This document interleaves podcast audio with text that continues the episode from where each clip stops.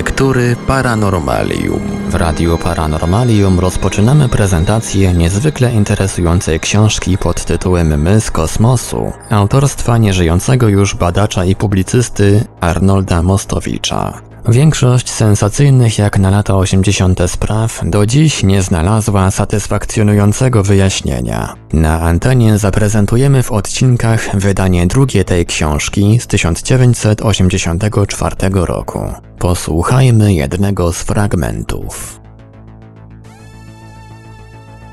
Zamiast wstępu. Początkowo zamierzałem w specjalnym wstępie wyjaśnić przyczyny, które skłoniły mnie do opracowania niniejszej książki. Później doszedłem do wniosku, że ostatecznie nikogo to nie obchodzi. Niemniej wiadomo, że czytelnik gustuje we wstępach. Jak uwertura wprowadza słuchacza w muzyczny nastrój opery, tak wstęp wprowadza czytelnika w klimat książki. Aby więc częściowo przynajmniej uczynić zadość temu dezyderatowi, kilka słów ode mnie tytułem wprowadzenia, a reszta o tym za chwilę. A więc książka ta składa się częściowo z pozycji, które zamieszczałem w Dookoła Świata, w tygodniku Razem oraz w tygodniku Demokratycznym, a częściowo z materiałów, których dotychczas nigdzie nie publikowałem. Poświęcona zaś jest, mówiąc najogólniej, temu wszystkiemu, co nazwać można kontaktami lub paleokontaktami, przedstawicieli jakichś pozaziemskich cywilizacji z naszą planetą. A więc przekonaniu, że takie kontakty miały i mają miejsce. Oznacza to także, przyznaję się do tego z góry, że celem tych rozważań będzie podzielenie się z czytelnikami jednostronnym punktem widzenia na przeszłość naszej cywilizacji. Tym jednostronnym punktem widzenia jest przekonanie, że o tej przeszłości, albo raczej praprzeszłości, wiemy bardzo niewiele, i że, a to już pogląd pozanaukowy, była ona znacznie ciekawsza niż przekonują nas o tym uznane powszechnie tezy naukowe.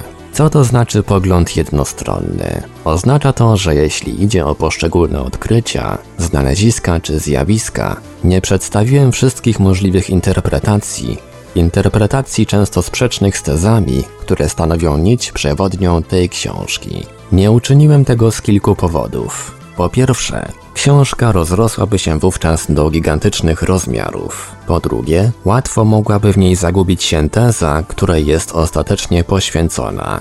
Po trzecie, tu pozwolę sobie przytoczyć fragment rozmowy, jaką odbyłem z pisarzem Aleksandrem Kazancewem. To przecież jeden z ojców hipotezy głoszącej, że nasz glob był w przeszłości odwiedzany przez przedstawicieli cywilizacji pozaziemskich. Otóż Kazancew w 1946 roku napisał opowiadanie Eksplozja. W opowiadaniu tym rzucił przypuszczenie, że wybuch w tajdze syberyjskiej w 1908 roku, znany pod nazwą meteorytu tunguskiego, był spowodowany przez jakiś statek kosmiczny o napędzie atomowym. Rozmawiając z Kazancewem o tej jego hipotezie, zauważyłem, że niektórzy uczeni radzieccy i nieradzieccy głoszą zupełnie inne teorie dotyczące tego wybuchu. Oczywiście, odpowiedział Kazancew, istnieje dziś ponad 80 teorii, próbujących wyjaśnić ów wybuch. Wszystkie są bardzo ciekawe, ale wydaje mi się, że tylko jedna z nich wiąże logicznie wszystkie ślady, fakty i świadectwa dotyczące tego wydarzenia. Tą teorią jest teoria mówiąca o eksplozji ładunku atomowego na statku kosmicznym, który zamierzał lądować na Ziemi. Otóż to. I mnie się wydaje, że tylko przypuszczenie mówiące o kontaktach istot pozaziemskich z naszą planetą pozwala najlogiczniej wytłumaczyć wiele z przytoczonych w tej książce odkryć, znalezisk czy zjawisk zachodzących współcześnie. Niemniej interpretacji poszczególnych faktów może być wiele. Dla przykładu, Wspominam w pewnym miejscu o badaniach astronoma szkockiego profesora Duncana Lunana nad zjawiskiem opóźnionych ech radiowych. Profesor Lunan uważa, że zjawisko to wywołane jest umieszczoną w kosmosie przed tysiącami lat przez jakąś cywilizację pozaziemską sondą, będącą czymś w rodzaju nadajnika radiowego. Nadajnik ten został tak zaprogramowany, aby rozpocząć swoje działanie dopiero w odpowiedzi na fale radiowe wysłane z Ziemi, co dowodziłoby istnienia na naszej planecie rozwiniętej cywilizacji. To samo zjawisko opóźnionych ech radiowych tłumaczy polski geofizyk profesor Stefan Manczarski w zupełnie inny sposób. Sądzi on, że opóźnione echo radiowe należy tłumaczyć falowodem dielektrycznym, wzdłuż którego rozchodzić się mogą fale elektromagnetyczne. W plazmie, twierdzi profesor Manczarski, fala radiowa toruje sobie drogę wzdłuż pola magnetycznego, którego zawiła struktura może spowodować owo opóźnione echo fali radiowej. Trudno mi się wypowiedzieć, która z tych hipotez jest słuszniejsza. Mogę tylko stwierdzić, że ta, której broni uczony szkocki, bardziej działa na moją wyobraźnię, co oczywiście z nauką nie ma nic wspólnego, lecz jest ona jeszcze jednym argumentem przemawiającym za możliwością owych przedhistorycznych kontaktów istot pozaziemskich z Ziemią. Zresztą teza profesora Lunana jest krytykowana z innych jeszcze pozycji, ale o tym będzie mowa później. Nie chciałbym też, aby czytelnik sądził, iż nauka nie może sobie w żaden sposób dać rady z problemem powstania życia na naszej planecie.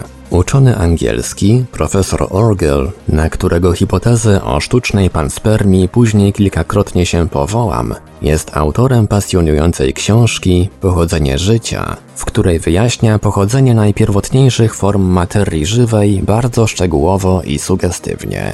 Książka ta ma więc, powtarzam, wykazać, że jednak nie wszystko w naszej przeszłości było i nie wszystko w naszej teraźniejszości jest takie jasne, jakby się to mogło wydawać. Zamiast jednak tego, by pogląd ten we wstępie szerzej rozwinąć, postanowiłem uczynić coś bardzo niekonwencjonalnego. Zaproponowałem wydawnictwu, by we wstępie do opracowanej przeze mnie książki znalazł się wywiad.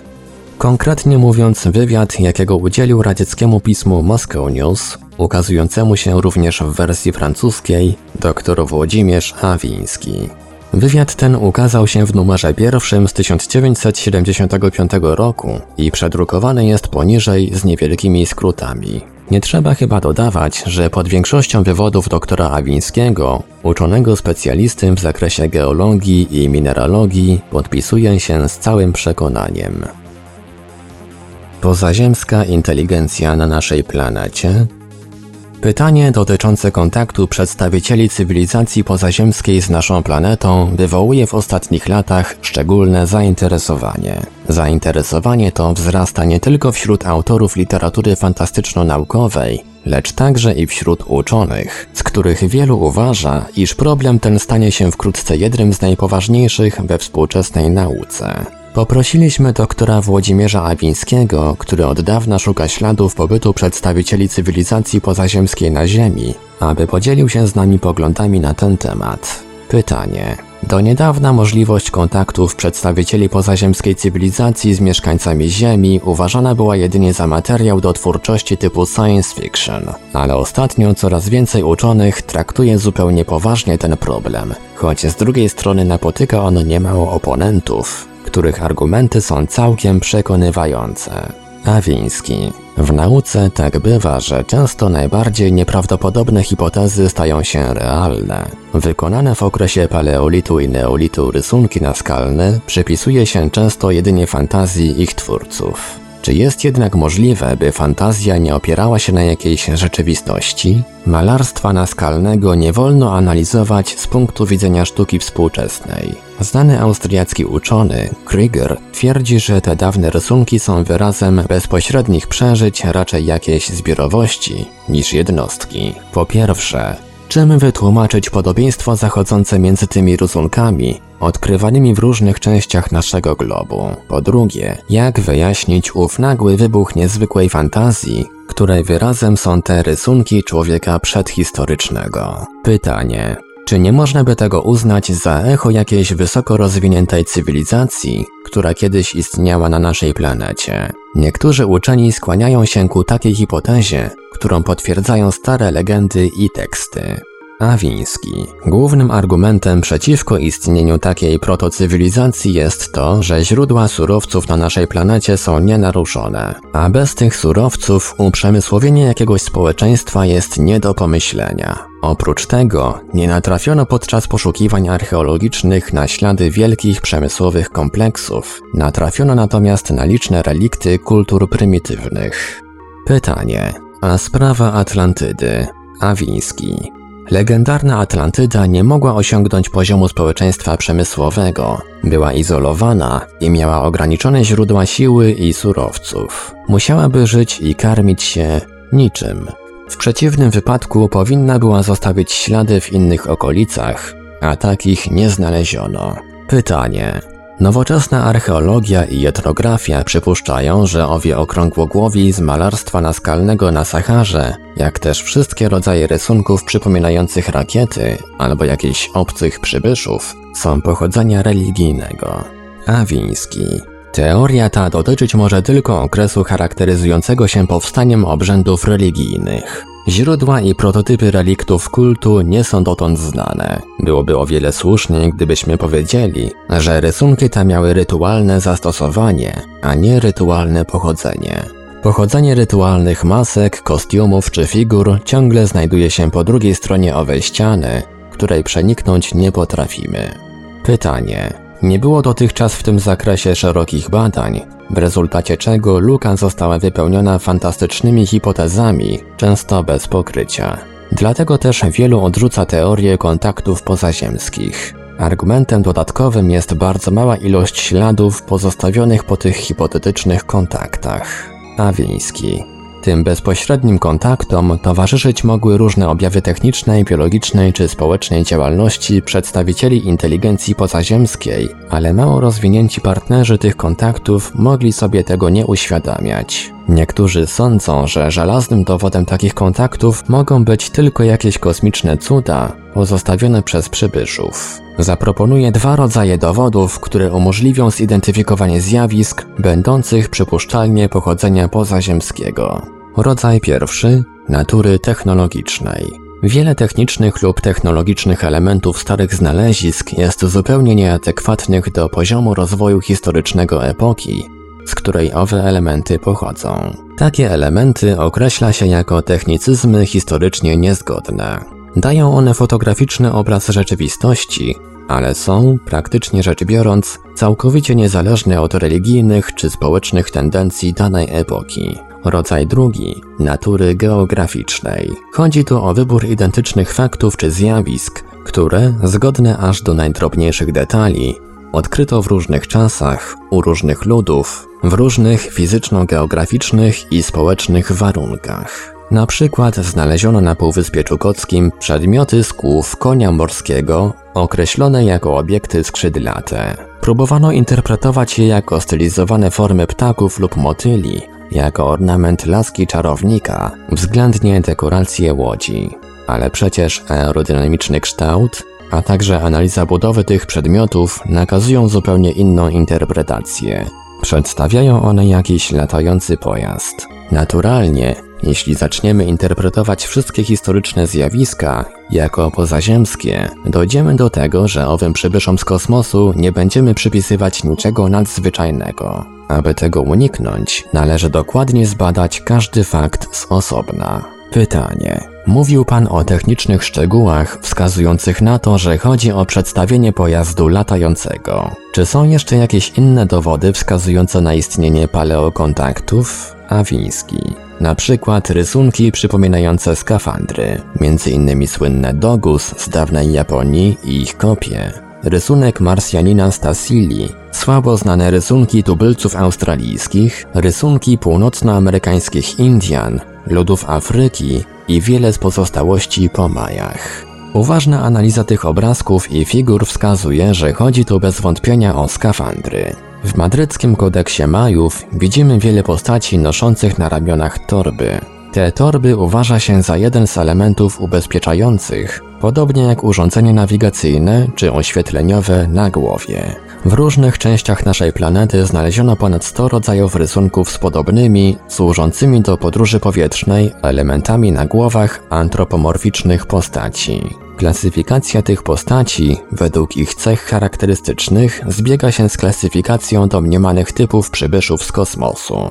Te kosmopodobne postacie poddano dokładnej analizie. Pozwoliła ona odkryć parametry, działanie, podstawowe funkcjonowanie wielu przedstawionych na rysunkach elementów. Wykorzystując to, planujemy rozwijanie tych roboczych modeli. Pytanie: Czy nie sądzi pan, że cała ta obca kosmiczna technologia jest bardzo prymitywna? Prymitywne rakiety, ciężkie, niezdarne systemy zabezpieczające, technika owych przedstawicieli cywilizacji pozaziemskiej, którzy do nas przybyli, musiała być chyba znacznie bardziej skomplikowana. Awiński. Słuszna uwaga. Wielu uczonych, z którymi dyskutowałem problem kontaktów pozaziemskich, wyrażało opinię, że wspomniane rysunki czy figury coś mają, że przypominają rakiety kosmiczne i technikę kosmiczną, lecz że trudno byłoby wybrać się w kosmos w takich blaszanych puszkach. A następnie oponenci moi dochodzą do całkowicie nielogicznej konkluzji, że te rysunki czy figury nie mają nic wspólnego z przybyszami z kosmosu. Skąd się bierze taka opinia? Wynika ona stąd, że uczeni ci sądzą, iż jesteśmy jedynymi mieszkańcami całego naszego systemu słonecznego. Dotychczas nie zostało stwierdzone, że nie ma w naszym systemie słonecznym jakichś schronów etapowych, zbudowanych przez rozwiniętą cywilizację pozaziemską. Zwracano uwagę na fakt odkrycia wyschniętych, sztucznych systemów wodnych na Marsie. Ale inna konkluzja jest bardziej jeszcze logiczna. Na przykład ta, że obszar zamieszkania astronautów, którzy dysponowali tego rodzaju technologią, lecz posiadali ograniczone źródła energii, nie wykraczał poza granice naszego systemu słonecznego. Pytanie, jakie więc były te kontakty pozaziemskich cywilizacji z Ziemią? Awiński. Studia nad chronologią tych kontaktów wykazują, że powtarzały się one kilkakrotnie w okresie między 20 a 30 tysiącami lat temu. Pytanie, czy nie wydaje się panu dziwne, że owi kosmici 20 czy 30 tysięcy lat temu kontaktowali się z nami kilkakrotnie, a teraz od kilku tysiącleci nie dają żadnego znaku życia? Awiński. Rzeczywiście sytuacja wydaje się dziwna. Doszedłszy do problemu paleokontaktu, stajemy przed problemem obecnego braku kontaktu. Sprawa ta została dość dokładnie przestudiowana przez francuskiego uczonego Aime Michela. Uważa on za oczywiste, że przedstawiciele inteligencji pozaziemskiej przebywają w naszym świecie, lecz kontaktu z nami unikają. Można by tę grę w ciuciu babkę uznać za absurd, ale tylko z punktu widzenia ludzi. Przecież ci przedstawiciele innej niż nasza inteligencji nie mają logiki takiej jak nasza. Ich motywacje leżą poza zasięgiem ludzkiej inteligencji. Indywidua systemu X mogą być istotami takimi jak my, lecz na wyższym szczeblu psychoewolucji i mogą mieć psychiczną organizację, która różni się od naszej nie tylko poziomem, lecz i rodzajem, typem.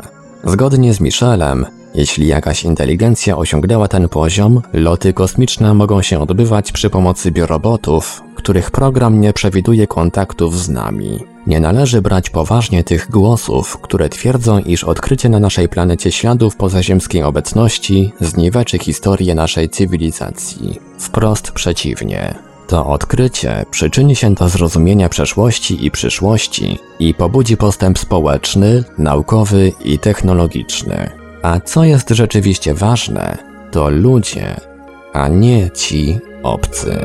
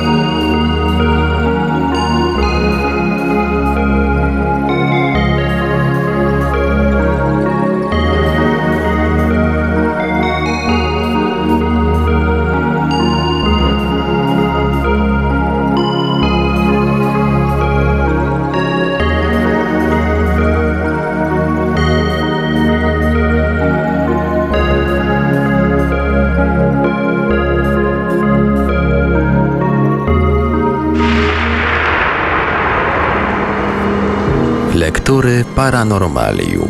Rozdział pierwszy. Epoka lotów kosmicznych przybliżyła człowiekowi wszechświat. To prawda, że dotychczas niewielu przedstawicieli naszego gatunku miało szczęście, oderwawszy się od Ziemi, znaleźć się w kosmosie, ale wyobraźnia całej ludzkości nie pozostała obojętna na to wydarzenie. Sprawy kosmosu stały się nam bliższe a tajemnice przestrzeni wszechświata wzbudziły ciekawość niełatwą do zaspokojenia. Już od dawna większość ludzi cywilizowanych nie wypełnia przestrzeni kosmicznej siłami nadprzyrodzonymi. Wierzy na słowo nauce, że tam we wszechświecie wirują takie same planety jak nasza Ziemia i takie same gwiazdy jak nasze Słońce. Dzięki wielkim uczonym i genialnym wizjonerom nauczyliśmy się widzieć w naszej planecie i w naszym losie maleńką cząstkę wszechświata, w jego niezmierzonej przestrzeni i niezmierzonym czasie. Nigdy jednak dotychczas kosmos nie był elementem naszych ludzkich spraw.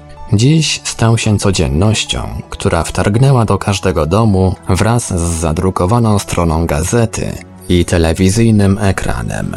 Jutro eksploracja kosmosu, odkrywanie jego tajemnic stanie się być może ideą mogącą porwać całą ludzkość i zjednoczyć ją. Jutro? Kto wie, co będzie jutro?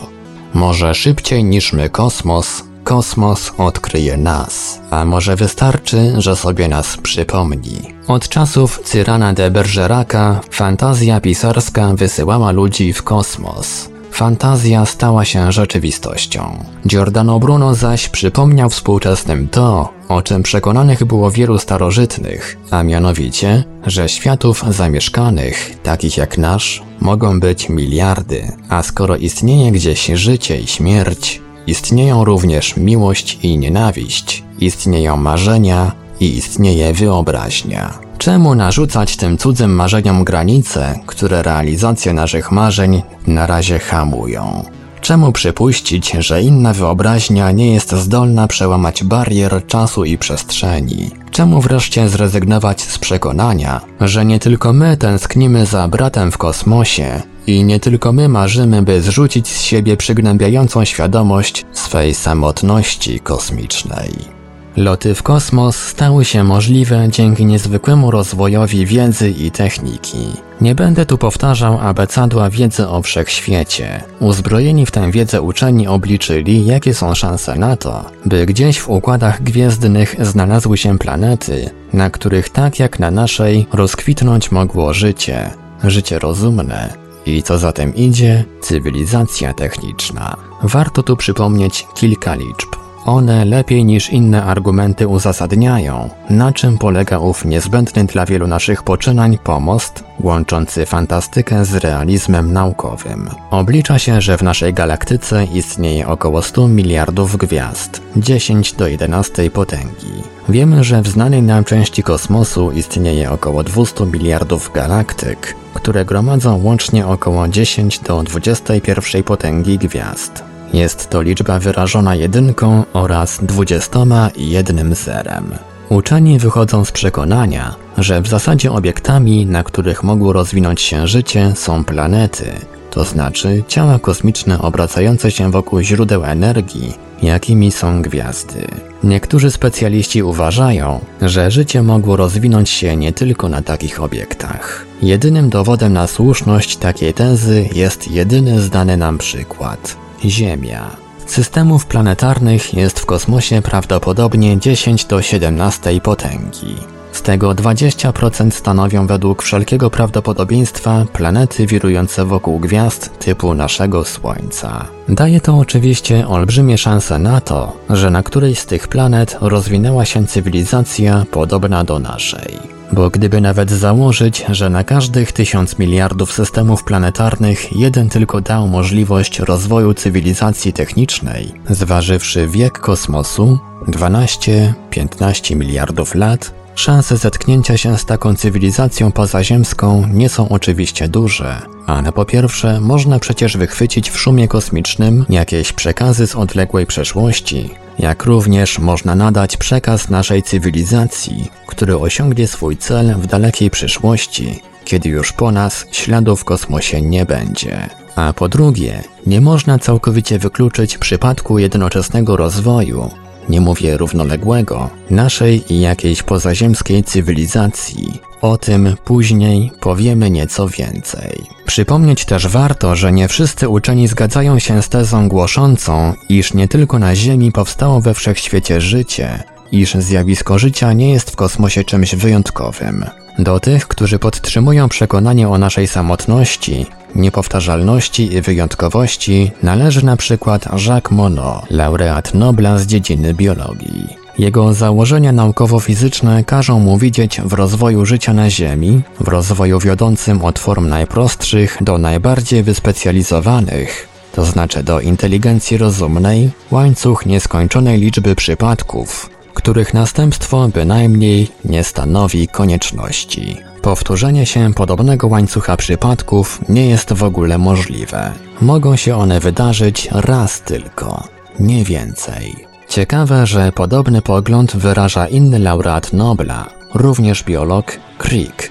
Ten właśnie, który z Watsonem odkrył budowę kwasu dezoksyrybonukleinowego, czyli DNA, będącego nosicielem kodu genetycznego. Biologowie, najlepiej orientujący się w złożoności materii żyjącej, nie wierzą widać, aby przypadek życie był powtarzalny. Ale o tym za chwilę, gdyż ze swego przekonania wysnuł Crick wnioski zgoła niezwykłe. I wreszcie dodać trzeba, że znany uczony radziecki Józef Szkłowski, ten sam, który w książce Wszechświat, Życie, Myśl, udowadniał, że życie we wszechświecie jest nie tylko możliwe, ale powszechne, doszedł po kilkudziesięciu latach dokonywanych przez uczonych bezowocnych poszukiwań w kosmosie istot rozumnych, CETI, do wniosku, że życie na Ziemi jest przypadkiem niepowtarzalnym i że w kosmosie jesteśmy samotni, skoro dotychczas w szumie kosmicznym nie odkryliśmy żadnych do nas celowo skierowanych sygnałów.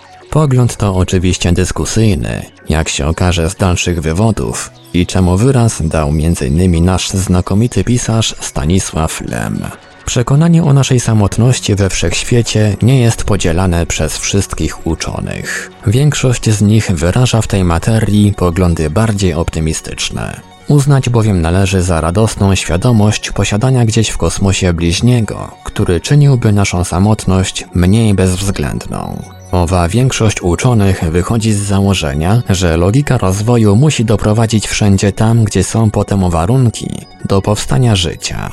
Ergo, inteligencji i cywilizacji. Poszczególne ośrodki badawcze na świecie zaczęły na własną rękę przeszukiwać kosmos. Wprawdzie takie przeszukiwanie owocowało często wartościowymi odkryciami naukowymi, kwazary, ale zamierzonych rezultatów dać nie mogło. Zadanie do odszukania jakiejś cywilizacji pozaziemskiej, no i nawiązania z nią kontaktu, przekracza na razie możliwości techniczne poszczególnych ośrodków, tym bardziej, gdy jasnym się stało, że na żadnej z planet naszego systemu słonecznego warunków do istnienia takiej cywilizacji nie ma.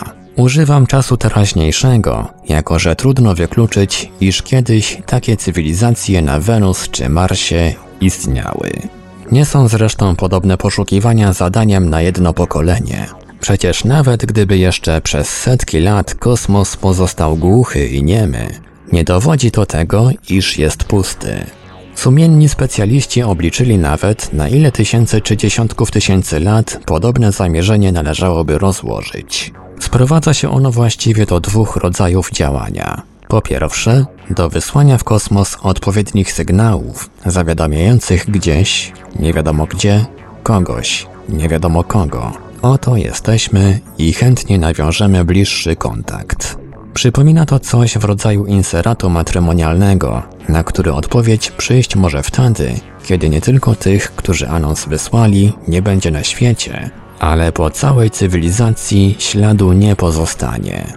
Po drugie, do wychwytywania w szumie fal radiowych napływających z kosmosu takich, których regularność nakazywałaby zastanowić się, czy nie jest to przekaz sztuczny. Tak w jednym jak w drugim wypadku nasze możliwości techniczne są więcej niż skromne, ale fakt, że próby takie, jakkolwiek prymitywne by były, są podejmowane, świadczy o tym, iż z dziedziny fantastyki wkroczyliśmy w dziedzinę autentycznych naukowych badań i poszukiwań. Wspomnijmy, skoro już mowa o takim anonsie wysłanym w kosmos, iż w 1972 roku jakaś próba w tej dziedzinie została uczyniona. Amerykanie wysłali w przestrzeń pojazd kosmiczny o nazwie Pionier F. Pojazd ten zabrał ze sobą skierowany do nieznanego adresata list od mieszkańców Ziemi. Na przekaz ten składa się schematyczny rysunek przedstawiający nasz system słoneczny, trajektorię, po której statek podąża, schemat budowy pojazdu, rysunek współczesnego Adama i współczesnej Ewy, dwie nagie postacie i kilka innych informacji mających dać wyobrażenie o żyjących na Ziemi istotach obdarzonych inteligencją.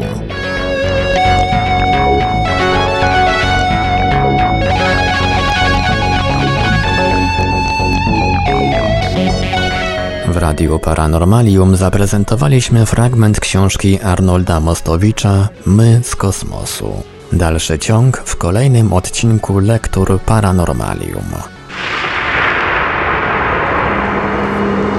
Lektury Paranormalium